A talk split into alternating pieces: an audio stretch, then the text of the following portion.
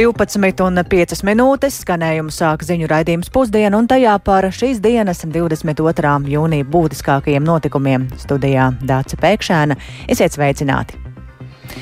Dzelzs priekškarš šobrīd ir nolaidies pie zilupes, bet valsts nespēja ilgstoši izbūvēt austrumu robežu ir nožēlojama. Tik skarbus vērtējumus šodien no parlamenta tribīnes pauda valsts prezidents Egils Levits, pēdējo reizi savā amatā uzrunājot saimu. Levits arī konstatēja, ka Latvija savā attīstībā atpaliek no pārējām Baltijas reģionu valstīm, kas saistāms ar zemo spēju īstenot reformas. Savukārt nevienlīdzības mazināšana valsts ekonomikā ir nepietiekama, un lūk īsts fragments no prezidenta runas.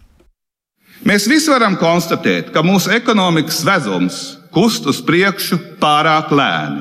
Mēs reformām ķeramies klāt, kad ilgstošas bezdarbības dēļ ūdens jau smeļas mutē.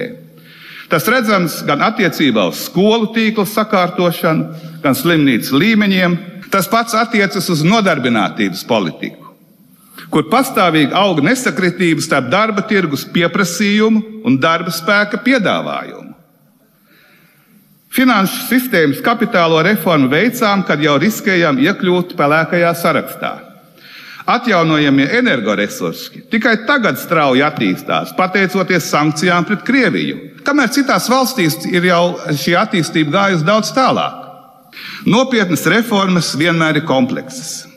Eiropas zaļais kurs, Nacionālais attīstības plāns 2030 vai jebkura ilgtermiņa programma prasa vienotā, mētiecīgā ķēdē saslēgt dažādas reformas un dažādu ministriju pūliņus. Viens piemērs nu pat ir izveidota cilvēka kapitāla padome. Un tas ir ļoti apsveicami. Taču, ja mēs izlasām tās uzdevumus, mēs varam konstatēt, ka darba spēka politika tagad ir jāsāk bezmaz vai tukšā vietā. Ko valdība vai valdības līdz šim ir darījusi šajā jomā? Acīm redzot, nav bijusi ne politika, ne rīcības, ka tagad ir jāsāk no jauna. Esmu daudz runājis par finansējumu palielinājumu zinātnē, pētniecībai un inovācijām. Un patiešām, paldies! Valdība ir apņēmusies četros gados dubultot to no 0,7 līdz 1,5% no iekšzemes koprodukta. Valsts pārvaldes ielaistais sklerotisms, kad nozara politikas joprojām dzīvo savas viena no otras neatkarīgas izolētas dzīves, joprojām nav pārvarēts. Neticu, ka būtisku attīstību tādās jomās kā demogrāfija, nodarbinātība, digitalizācija, zinātnē un inovācijas ir iespējams sasniegt, ja dažādās ministrijās izskaisītās atbildības nesavelk kopā un nepārauga politiski atbildīga amatpersona. Tik tālu fragments no valsts prezidenta Egila Levita šajā amatā pēdējās uzrunas saimā.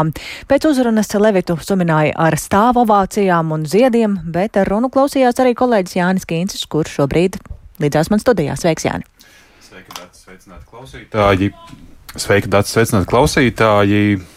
Savā runā Igors Levits pievērsās kopumā trim Latvijas nākotnē būtiskām jomām - drošībai, latviskumam un citātā jau plašāk ieskicētajai valsts reformu spējai un tās problēmām. Drošības jomā Igors Levits uzsvēra, ka Latvijas lielais mājas darbs pašlaik ir sēlīs poligona izbūve un ar to saistītais likums, kas šodien ir saimas uh, sēdes darba kārtībā. Tāpat uh, pašu mājas darbs ir arī Nacionālo bruņoto spēku, kaujas spēju un skaitliskā sastāva palielināšana un uh, Levita uzrunā uzsvers arī uz to par labo ziņu, par to, ka jau par jauniešu atsaucību valsts aizsardzības dienesta pirmajam iesaukumam un pēc valsts prezidenta domām jau pēc pāris gadiem jaunieši dienestu armijā uzskatīs par goda lietu, līdzīgi kā mūsu ziemeļu kaimiņi. Levits ļoti kritiski izteicās par kavēšanos izbūvēt žogu uz robežas ar Krieviju un Baltkrieviju, un šis process diskreditē valsts varu pirmkārt jau Latvijas sabiedrības acīs. Turpmākajos gados vienai no galvenajām prioritātēm jābūt arī iekšlietu sistēmas nostiprināšanai. Savukārt starptautiskā jomā Latvijai līdz ar citām austrum, NATO austrumu flanga valstīm ir jāizstāv pozīcija par Ukrainas uzņemšanu NATO jau drīz pēc pašreizējās kara darbības beigām. Jo, ja Krievijai ļaus atgūties un sakopot spēkus, tad nākamais karš, diemžēl, būs neizbēgams, pauda Levits. Viņš apņēmās eh, turpmāk izmantot savu juridisko pieredzi, lai turpinātu iestāties par starptautisku tribunālu izveidi Krievijas noziegumu Ukrainā izmeklēšanai un sodīšanai. Taču, lai to realizētu, nepieciešama arī starptautiskās sabiedrības politiskā griba. Runas noslēgumā valsts prezidents sacīja, ka stājoties amatā, viņš ir solījis būt visas tautas prezidents prezidents, un to viņš ir centies realizēt ar darbu Latvijas ilgtspējas, drošības un latviskas Latvijas labā. Un, Kā jau minēts, deputāti Levitu viņa uzrunas noslēgumā sveic ar aplausiem, stāvot kājās. Viņš saņēma ziedus no vairāku frakciju pārstāvjiem un arī no saimas priekšsēdētāja. Un uh, saimas sēdes starplaikā pāris deputātiem apjautājos par to, vai saima ņems vērā Le Levita uzrunā uzsvērtos akcentus. Un, uh, Par Levita domu biedriem nekad nekļuva Zaļo un Zemnieku savienība, un tās frakcijas deputāts Augusts Brigmans arī šodien uzskata, ka Levits paša uzsvērtos akcentus savu pilnvaru laikā būtu varējis politiķiem uzdot aktīvāk. Iepriekš šie četri gadi, ko koalīcija strādāja, un tagad vēl ko strādā šī koalīcija, nu, acīm redzot, nekas nav izdarīts. Jātiek tikai pajautāt, nu, pats viņš bija prezidents laikā, varēja visu laiku šīs eh, partijas, kas dažādos sastāvos valdību veidoja, nu, arī mudināt, aktualizēt. Bet, nu, tā kā neizdevās, kā tagad tas rezultāts tāds ir, nu, acīm redzot, vai nu tur pietrūka zināšana zināšanas, prasmes partijām, kas veidoja koalīciju, vai pietrūka kaut kādas nezinu, vēlmes to darīt. Man to ir grūti pateikt. Vai tie jautājumi, tādi, kas tika izvirzīti, ir pietiekoši aktuāli?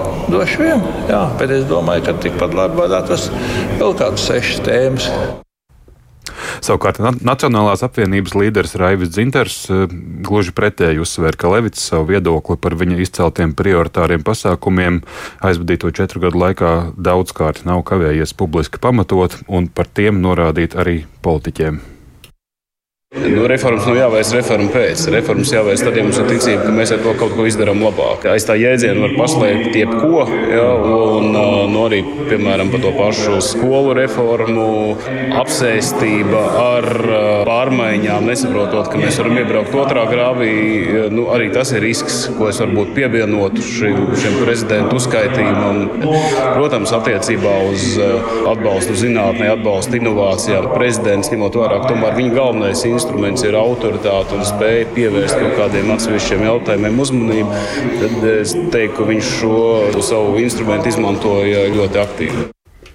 Jāpiebilst, ka tā cienīgi Levitam par veikumu pateicās arī saimnes priekšsēdētājs Edvards Smiltāns no apvienotā saraksta. Šis politiskais spēks atgādināšu atbalstu Levita kandidatūrai, ka tā vēl nebija atsaukta, gan nesolīja nevienu brīdi. Smiltāns atzina, ka Levita prezidentūra iekritusi krīžu laikā un uh, Smiltāns arī pauda pateicību par Levita nelokāmo atbalstu Ukrainai no pirmās dienas kopš uh, plašā iebrukuma un iestāšanos par uh, latviešu valodas lomas pieaugumu un arī par nacionālās pašapziņas stiprināšanu.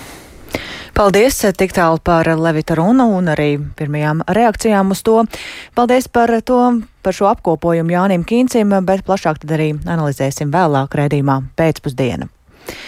Bet uh, vēl turpinot par saimā šodien lemto, parlamentam būs jāvērtē iecerē denuncēt, proti vienpusēji pārtraukt tiesiskās palīdzības līgumu ar Krieviju. Nacionālās apvienības parlamenta frakcijas iesniegtais likumprojekts šodien ir nodots komisijām, un runa ir par tiesiskās palīdzības līgumu civillietās, ģimenes lietās un krimināla lietās. Nacionālā apvienība uzskata, ka pašreizējos apstākļos šāda sadarbība ar Krieviju ir pretrunā ar Latvijas pozīciju saistībā ar Krievijas agresiju Ukrainā. Un mums šobrīd ir iespēja lūgt arī plašāku skaidrojumu Saimas ārlietu komisijas priekšsēdētājiem Rihardam Kolam no Nacionālās apvienības, kurš raidījumam ir pieslēdzies telefoniski. Labdien! Labdien! Vispirms par šo līgumu, ko tas paredz? Jā, nu tas, šis līgums tika noslēgts 93. gadā, 95. stājās spēkā, un tas paredz uh, sadarbības starp Latviju un Krievijas federāciju, kā jūs minējāt, arī pieteikumā civil, uh, ģimenes un krimināla uh, lietās. Tas ir gan dokumentu apmaiņā, gan arī pieņemsim, um, aizdomās turēto izdošana, uh, tāpat arī tiesāšanai. Uh, Un, nu, šeit ir tā, ka, protams, tā, pamat, pamatā tas pirmais punkts, kas ir līgumā, kas nodefinē, ka šis līgums ir noslēgts starp Latvijas Republiku un Krievijas Federāciju, lai veicinātu un attīstītu uh, sadarbību uh, šajos jautājumos. Protams, līdz pat 24. februārim pagājušā gada tas, tā sadarbība varbūt neviens īpaši nepievērsa uzmanību, darbojās, bet ņemot vērā virkni lietu, kur um, nu, šī tiesiskā palīdzība no Krievijas puses tiek ļaunprātīgi izlē, uh, nu, pielietota. Tā, uh, Jums un, ir kādi piemēri tā, par šo? Uh, jā, ir piemēri. Mums pavisam nesen uh, arī praktiķi, kas ir uh, zvērnāti advokāti, uh, kas bija uzaicināti uz ārlietu komisiju, arī ziņoja par uh, skaidru gadījumu, kur tas filtrs, ko ģenerāla prokuratūra saka, ka mēs uh, no absolūti līdz minimumam esam samazinājuši šīs tiesiskās palīdzības lūgumu apmierināšanu ļoti vērtējam, tad tomēr tas ciets īsti nestrādā. Jo ir arī gadījums, kur pēc fizisku personu Krievijas tiesas lēmumu ir lūgta tiesiskā palīdzība, kur aptuveni piedzīvo 600 tūkstoši eiro no, no personas. Un, protams, vērsās šī persona Latvijas arī tiesā, un augstākajā tiesā arī uzvarēja, kur augstākā tiesa pateica, ka Latvijas um, iestādēm, varas iestādēm nu, nevajadzēja šādu tiesiskās palīdzības lūgumu apmierināt. Un, uh, šis varbūt tāds mazs epizode, bet kopumā, protams, mēs uh, saprotam arī to, ka uh, atceļot šo divpusējo līgumu, šā vai tā tiesiskās palīdzības sniegšana uh, starp abām valstīm notiks caur starptautisko konvenciju kas tieši arī ir sadarbība tieskās palīdzības jomā tieši šajos jautājumos - ģimenes, civilietās, krimināllietās. Un abas valstis ir ratificējušas šo konvenciju. Līdz ar to tas pamats, pamats ir, jā, ka mēs uh, denoncējam līgumu, kurš nu, praktiski nonāk pretrunā uh, ar Latvijas pozīciju attiecībās Krievijas agresiju Ukrajinā. Uh, mēs neattīstām, nepadziļinām sadarbību ar Krievijas federāciju esošajos arī apstākļos. Un tas arī ir viens no, no pamatiem, kādēļ šo līgumu mēs aicinām arī denoncēt. Un es saprotu, ka, š, nu, pie, ja ņem vērā prokuratūras informācija, tad kopumā ir bijis um, 31 lūgums pērna par tiesiskās Jā. palīdzības sniegšanu. Nu, tad jūs jau tikko arī minējāt, tad uh, šādā gadījumā tīri praktiski, kā tas notiek, mēs ņemam vērā citus starptautiskus līgumus. Ja? Jā, jā, protams. protams. O, nu, tur tā argumentācija ir tāda, ka uh, no ģenerāla prokuratūras puses izskanēja uh, komisijas sēdē, uh, ka šāda līguma denoncēšana var pasliktināt šo sadarbību. Krievija var atteikties. Piemēram, Latvijas tieskās palīdzības lūgumiem atbildēt. Nu, ziniet, tas īstenībā šāds arguments neiztur kritiku. Tiesu vara Krievijā nav neatkarīga. Tomēr, ja mēs paskatāmies uh, tiesiskuma rādītājos, pasaules rādītājos, Krievija 107. vietā, Latvija 24. vietā. Šajā ziņā, uh, nu, ja Krievija uh, nu, tiesas ir politizētas, kā piemēram ir vēl viens tiesas spriedums saistībā ar uh, Air Baltica citu starp, kur tiesas spriedumā uh, ir ierakstīts Latvija kā nedraudzīga valsts. Nu, nu šāda uh, šādu spriedumu uh, Krievijas puse lūdz tiesisko palīdzību Latvijai. Nu, tas taču ir mm. absurds. Vai arī situācija, kur Krievijas ģenerāla prokuratūra ir uzsākusi, uh, izvirzījusi virkni apsūdzības Latvijas ģenerāla prokuratūras darbiniekiem. Ziniet, savā ziņā tas sāk liecināt, ka mēs tādā greizos spoguļu Uh, vidē dzīvojam. Jā, un vēl pavisam īsi, kā šajā situācijā ir um, rīkošās mūsu kaimiņu valstis? Tām ir spēkā šāds tiesiskās palīdzības līgums. Ja? Uh, jā, ir. Es, uh, protams, esmu kolēģis uzzinājis Baltijas valstīs. Uh, saprotu, Igaunijā šis uh, ledus arī sakustējies. Tieslietu ministrs ir rosinājis uh, nu, vismaz jau valdības līmenī uh, virzīties ar šī līguma denoncēšanu. Nu, es pieļauju, ja divas no Baltijas valstīm to jau uzsākt, tad uh, trešajam, kā parasti, vismaz tā loģika diktē, vismaz Baltijas valsts tādā politiskajā loģikā uh, arī virzās uz uh, šajā virzienā. Mm -hmm. Paldies, paldies par sarunu Sēmas ārlietu komisijas priekšsēdētājam Rihardam Kolam no Nacionālās apvienības. Tātad jautājums par to, vai denonsēt tiesiskās palīdzības līgumu ar Krieviju šobrīd, um, vai tas ir jādara, tas šobrīd ir nodots apspriešanai Sēmas komisijās. Un turpinām ar cita veida attiecībām starp nodokļu maksātājiem un to iekasētājiem. Un šajā ziņā priekšrocības godprātīgajiem nodokļu maksātājiem saprotamāka valoda un progresa datu analītikā. To paredz valsts ieņēmuma dienesta jaunā stratēģija. Dienests to ir apstiprinājis šim un nākamajiem trim gadiem. Un, kā šorīt kolēģiem Rihardam Plūmēm un Kristupam Feldmanim programmā Labrīt atzina valsts ieņēmuma dienesta ģenerāldirektora Ieva Jaunzeme, Ar jauno datu analītikas iespēju varēs skaidrāk pārredzēt nozaru darbību, turklāt stratēģija balstās uz iepriekš sasniegto. Svarīgākais ir tas, ko mēs jau sākām iepriekšējā periodā - pilnīga atklātība visās darbībās, lai katrs saprastu, no kā tad veidojas tās attiecības ar valsts pieņēmumu dienestu. Es uzskatu, ka grūtākais, ka mums jātiek pāri, ka nevar teikt neko par nodokļu maksātāju, ka viss ir noslēpums. Šobrīd mēs ejam uz to, ka visi dati ir atklāti, un e, pirmais solis ir tieši rēķins. Ja jūs paši izdalāt trīs virzienus, ko ietver šīs priekšrocības godprātīgajiem nodokļu maksātājiem? Pirmā un galvenā priekšrocība, ja nodokļu maksātājs ir godprātīgs, viņam netiek veikti kontrolas pasākumi, viņi tikai tiek nodrošināts konsultācijas un nekādā veidā viņš netiek aizskarts vai kādā veidā uzrunāts. Viņš ir pilns savu uzņēmēju darbību, un tajā pašā laikā jau šobrīd mums ir tā saucamā priekšrocība programma, kura tiks pārstrādāta, kur pakalpojumi tiek sniegti ātrāk, ir pieejams īpašs servis tiem, kur ir godprātīgi nodokļu maksātāji. Tas ir galvenās priekšrocības. Tas vienkārši ir sasniedzams jebkuram, esot godīgam un eh, sadarbojoties. Viennozīmīgi jāsaka tā, ka nav grūti kļūt par godprātīgu nodokļu maksātāju. Pirmkārt, ir laicīgi jāiesniedz deklarācijas, laicīgi jānomaksā. Un svarīgs elements, protams, arī ir šī vidējā alga, kas tiek maksāta, protams, līdzīgi kā Igaunijā, kur tas ir nozīmīgs faktors, kur arī uzņēmēji tiek informēti, ja viņu vidējās algas būtiski atšķirās no nozares vidējām algām. Ja mēs ejam tomēr tālāk, ir iedzīvotājiem eh, saprotamāka komunikācija, bet uh, ir bijušas sūdzības līdz šim par to? Jāsaka, ka mēs paši esam konstatējuši tādu lietu, ka valsts ieņēmuma dienas mājaslapā ir ļoti daudz metodiskie materiāli. Un tie, kas interesē, var viņus lasīt, te pašā laikā mēs saņemam saņemam 600 tūkstošus zvanus gadā. Tas nozīmē, ka kaut kas tur nav īsti kārtībā, jo ja cilvēks nevar no tā, kas ir rakstīts, saprast, kas tad īsti ir jādara, viņš tomēr zvana, tas nozīmē, ka ir nepieciešama pilnveide tieši tajā materiālā, ko var izmantot universālāk, jo iedzīvotāji plaši izmanto ieņēmumu dienestu kā konsultantu. Mums jārēķinās, ka mēs nevarēsim nodrošināt daudz dzīves konsultantu stundas kā līdz šim, jo tagad jau ir bijis grūti sazvanīt Tādēļ mēs strādāsim pie tā, lai tas metodiskais materiāls, kas ir pieejams, būtu arvien skaidrāks. Jā, un datu analītikas process, ko tas sev ietver? Jau šobrīd ieņēmuma dienas rīcībā ir ļoti daudz datu. Mēs saņemam viņus un dalāmies ļoti plaši. Šobrīd mēs pārējām uz jaunu platformu, jo iepriekšējā bija jau sevi izsmēlusi. Ko dod šī iespēja jaunā platforma, ir plašākas analītikas iespējas. Principā var ieskatīties katrā nozarē, katrā nodokļu maksātājā vien dziļāk. Un ir iespēja meklēt šos kopsakarus arī attiecībā uz nodokļu nomaksu un ekonomisko aktivitāti. Un, ja ir analītika, tad arī ir mazāk jāprasa uzņēmējiem un iespēja piedāvāt vairāk informācijas sociālajiem partneriem un valdībai par to, kas tad notiek kurā nozarē.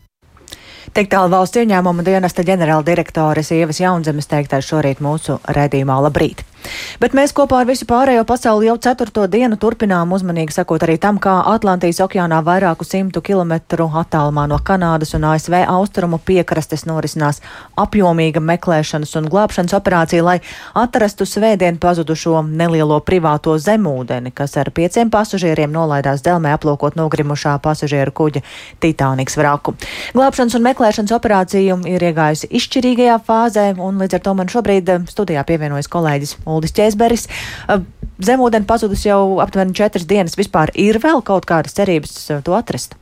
Jā, nu šajā gadījumā laikam ir jāatkārto senais teiciens, ka cerība mirst pēdējā, un arī krasta apsardze, ASV krasta apsardze, kas vada meklēšanas operāciju, vēl negrasās padoties, un par to liecina tas, ka okeāna teritorija, kurā norisinās šie meklēšanas darbi, ir palielināta līdz aptuveni 26 tūkstošiem kvadrātkilometru.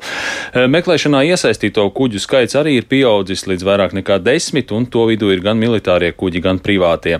Un e, meklēšana turpinās arī zem ūdens, un to veids gan ar okeāna okeānā izvietotām uh, hidroakustiskajām bojām, kas raida signālus lidmašīnām, kuģiem, gan ar video kamerām uh, aprīkoti attālināti vadāmi roboti, kas spēj skenēt okeāna uh, dibenu vairāku tūkstošu metru dziļumā.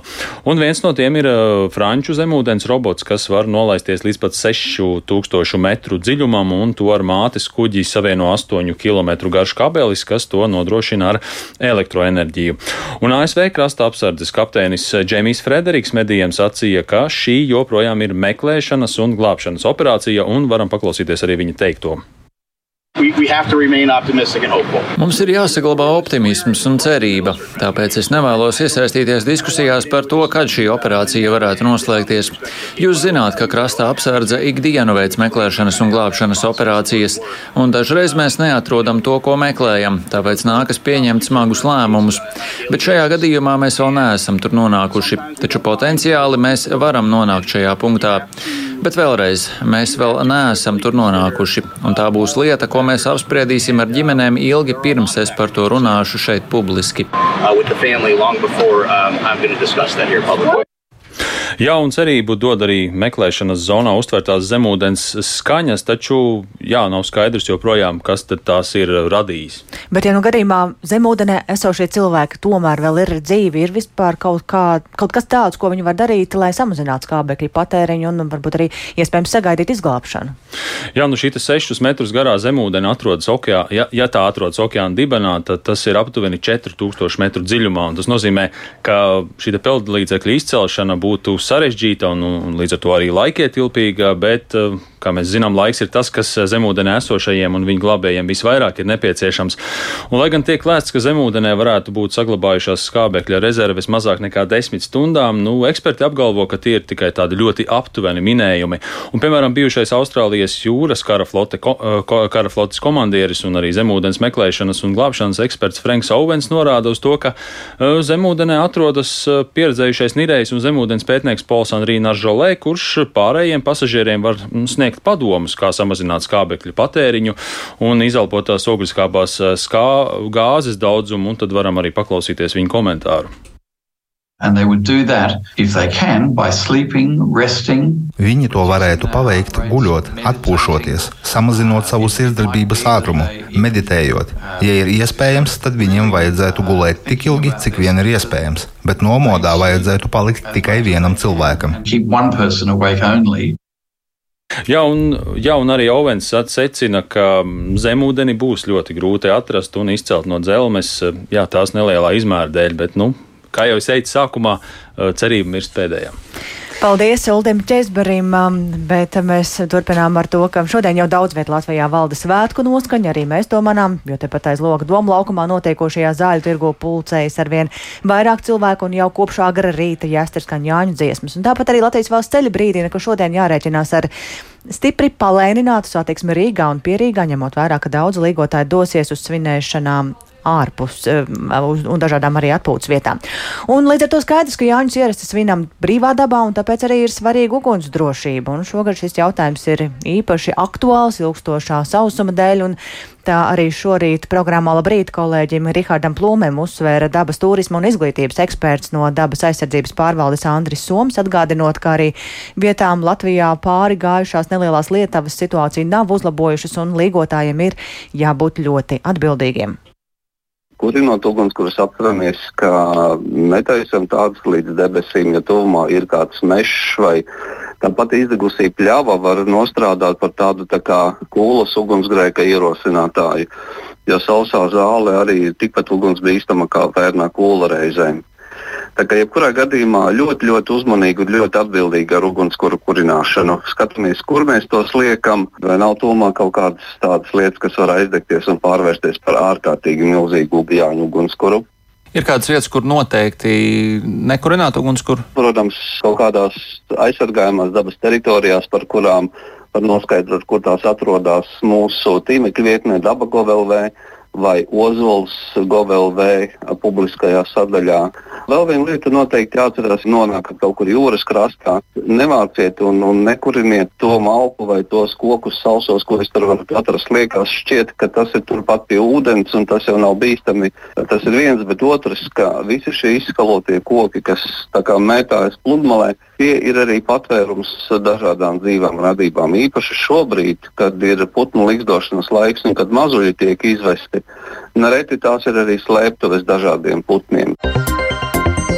Un ar šo dabas aizsardzības pārvaldes Andra Soma atgādinājumu arī skan redzījums pusdiena. Tā producente Ilze Agīnta ierakstus montēja Uldis Grīnbergs, par labskaņu rūpējās Mārtiņš Paiglis un ar jums sarunājās Dāce Pēkšēna. Mēs tiekamies ēterā nedaudz vēlāk atkal raidījumā pēcpusdiena. Yeah.